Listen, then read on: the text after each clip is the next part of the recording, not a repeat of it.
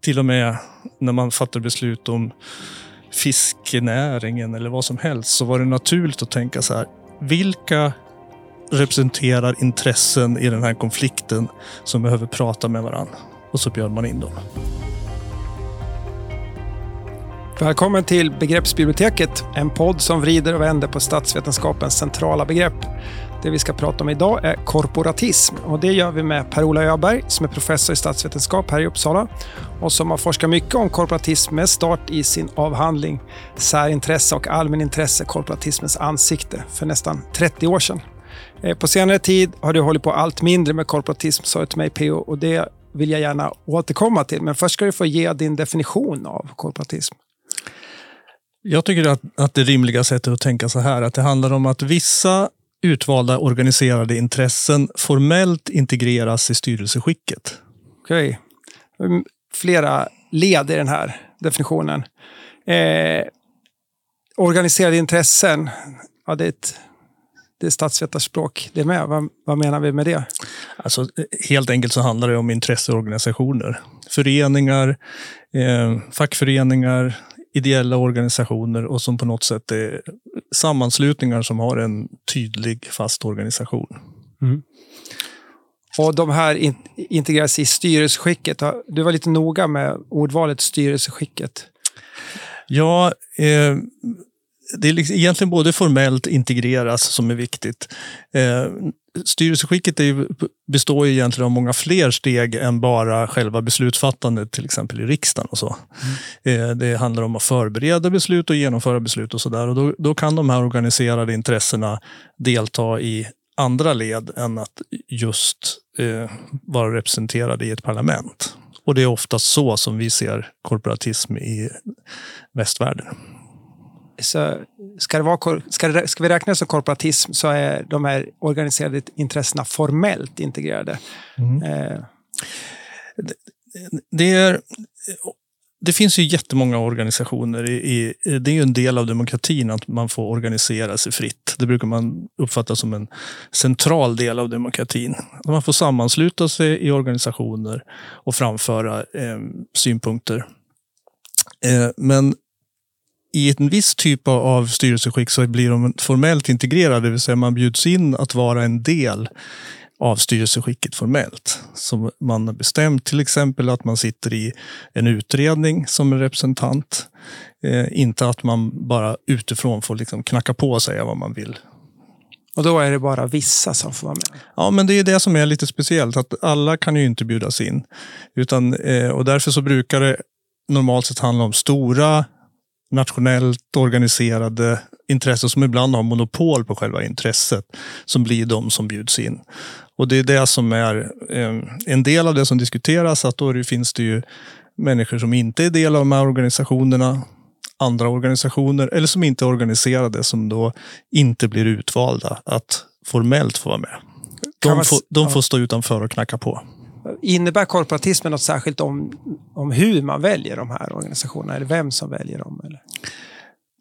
Tanken är ju att de bjuds in oftast då av staten som man tänker. Det vill säga, och, det, och det brukar ju oftast vara det den dominerande partiet eller regeringarna. Nu handlar det väldigt ofta om eh, till exempel parter på arbetsmarknaden. Att, mm. att det finns de, de, stora intresseområden som finns och som berörs av frågorna bjuder man in. Så om det handlar till exempel om alkoholpolitik så kanske man bjuder in istället eh, organisationer som sysslar med alkoholfrågor. Om det handlar om jordbrukspolitik så är det intresse organiserade intressen inom det området som man bjuder Då är det jordbrukare och det... Då, då är det böndernas organisationer och så. Det är ju ett sätt att kanalisera intressen mm. från medborgarna in i beslutsfattandet. Och den här korporatismen är liksom ett sätt att tänka ja. att man gör det. Då. Och, och då, det är klart att det är naturligt då att man måste försöka hitta legitima representanter för de här intressena. Som då ofta är stora starka. Ja. Eh, vad, vad, ska du säga, vad är det viktiga man förstår av politisk utveckling genom att kunna få syn på korporatism? Vad är det för slags saker som kan framträda då? För det, för det första så är det ju så här att, att hela intressegruppsforskningen och inte minst korporativismforskningen tar ju sin, sin början i en idé om att inte politiska åsikter bara kanaliseras direkt från individer mm. till beslutsfattande. Utan det är, kan man säga, ett, ett sorts institutionellt synsätt. Det vill säga att eh, individerna samlas i organisationer. De organisationerna har traditioner och sätt att fatta beslut och så förmedlas då ståndpunkterna så. Mm. Så att eh, eh, det är en del. Ja. Sen är det förstås att, att eh, till exempel föreställningar om hur, hur svenska modellen fungerar förut, där, där är ju korporatismen helt central. Ja, ja. Alltså, och då, då pratade vi om lönebildning och, och relationer mellan fack och arbetsgivare. Ja, eller? men inte bara det. Eh, det är under en ganska lång tid från efterkrigstiden, ja, egentligen från eh, med början redan 1912 ska jag säga, mm. så hade man den här idén om att man skulle försöka få olika intressen i samhället att harmonera, att mm. komma överens. Eller man, liksom, man tar grupper, intressen, man tänker att det finns en jätteintressekonflikt här. Mm. Och den måste vi då hantera på ett sätt. Och ett sätt är då att vi bjuder in de här olika representanterna för de här intressena och så sätter vi dem i ett rum och så får de prata med varandra. Och då kanske man kan komma fram till någon typ av gemensam lösning. Och det präglade ju svensk politik under väldigt lång tid. Och det var inte bara arbetsmarknadspolitiken utan som jag sa jordbrukspolitiken, alkoholpolitiken. Till och med när man fattar beslut om fiskenäringen eller vad som helst så var det naturligt att tänka så här. Vilka representerar intressen i den här konflikten som behöver prata med varandra? Och så bjöd man in dem. Så det här konsensustänkandet, det, det kommer bland annat därifrån. Det skapar konsensus, det skapar vägar in i att påverka beslutsfattandet mer än att bara ensam lägga en röst. Eh, ja, det är några syftena med det. Och kanske förtjänsterna med korporatismen. Vad, vad har varit problemen? Då? Ja, en av dem vi, eh, är ju att eh, inte alla kommer med. Nej en viktig kritik har liksom riktats mot att det finns personer som å ena sidan har, har inflytande i den parlamentariska kanalen som man brukar kalla då att man väljer och röstar mm. på ett parti. Och sen så har man dessutom kanske man är medlem i en stark organisation som en, till exempel Svenskt Näringsliv mm. och så har man inflytande via det också. Och då, det brukar då eh, ibland beskrivas som ett problem. Mm. En slags dubbel representation av vissa.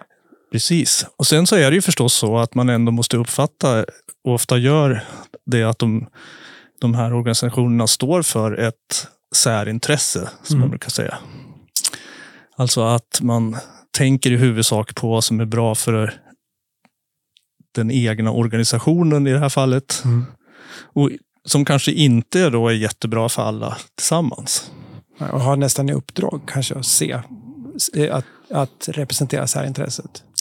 Precis så är det. Eh, om man lyssnar på den första versionen av låten som är känd som Staten och kapitalet och hette något annat från början. Då börjar sista versen att så bygger vi ett samhälle enligt korporativa principer. Mm. Eh, och eh, det verkar liksom summera kritiken eh, mot socialdemokratin 1972. Eh, är det Ska, ska man förstå korporatism som ett värderande begrepp? Något som man antingen ska gilla eller inte gilla? Eller är det bara ett, det mer fruktbart som ett beskrivande begrepp? Eller? Jag använder, och många forskare numera använder det bara som ett beskrivande begrepp. Alltså ett, ett styrelseskick kan vara mer eller mindre korporativistiskt mm. eh, beroende på hur många och vilken typ av organisationer som är integrerade mm. i, i, i styrelseskicket den, men den där kritiken, den sätter ju fingret på eh, någonting annat egentligen, nämligen själva idén om att när man nu, eh, ledningen för de här organisationerna deltar i det här mm. samtalet, så kanske de kommer överens om någonting som medlemmarna inte tycker är jättebra. Och då måste då medlemmarna övertygas om att gå med på det här. Och så som jag uppfattar den där strofen som du läste så handlar den om att man eh, eh, helt enkelt tar udden av till exempel arbetarrörelsen ja. genom att istället för att de är ute och står upp för sina åsikter så sugs de in i statsapparaten och eh, blir eh, tappar kraft och fart. Ja. Och att det är liksom ett problem. Eh, men det är ju en annan sak. Alltså det är en sak att beskriva, eh, som då jag gör, att, att korporatism är ett sätt ett beskrivande begrepp. Mm. Men sen är det klart att det kan få olika effekter. Just det. Ja, det går ju fortfarande att foga in det i ett värderande ja, resonemang. Det här, det här är korporatism. Det har några bra effekter, det har några dåliga effekter ja. och det kan fungera lite olika i olika sammanhang. Och det, det där är en sätt att uttrycka sig dåligt. Nu gör inte du så mycket korporatismforskning längre. Och det, man pratar inte så mycket om, man beskriver inte svensk politik så mycket i termer av korporatism. Vad är det som har hänt då? då? Ja, en sak eh, som har hänt är att eh, den här formella integreringen av vissa utvalda organisationer i styrelseskicket har minskat väldigt mycket. Mm. Så det sättet att kanalisera eh, åsikter från medborgarna numera är betydligt mindre i Sverige och i de allra flesta länder där vi hade liknande starka korporatistiska inslag. Vad, som, vad som finns kvar? Det är ganska lite faktiskt. Um, tidigare så satt det av självklarhet representanter för de här olika intressen i till exempel utredningar som förberedde mm. viktiga beslut. De satt också i myndigheters styrelser som representanter det var självklart att LO och SAF, som Svenskt Näringsliv hette tidigare, mm. hade representanter till exempel i det som då hette arbets, Arbetsmarknadsstyrelsen. Ja, ja. Eh, men, och det som finns nu är? Ja, alltså organisationerna finns ju kvar. Ja. Det, det, det är ibland ett misstag att tro att, att, bara för att korporatismen har försvunnit i de här länderna så, så har ju inte organisationerna försvunnit. De är fortfarande stor, nästan samma organisationer som var starka under den här eran är fort, har fortfarande stort inflytande, men de använder det genom eh, att göra mediekampanjer och framförallt lob, lobbystrategier. Alltså man kontaktar eh, politiker direkt lobbying som har tagit över efter, som har följt på korporatismen?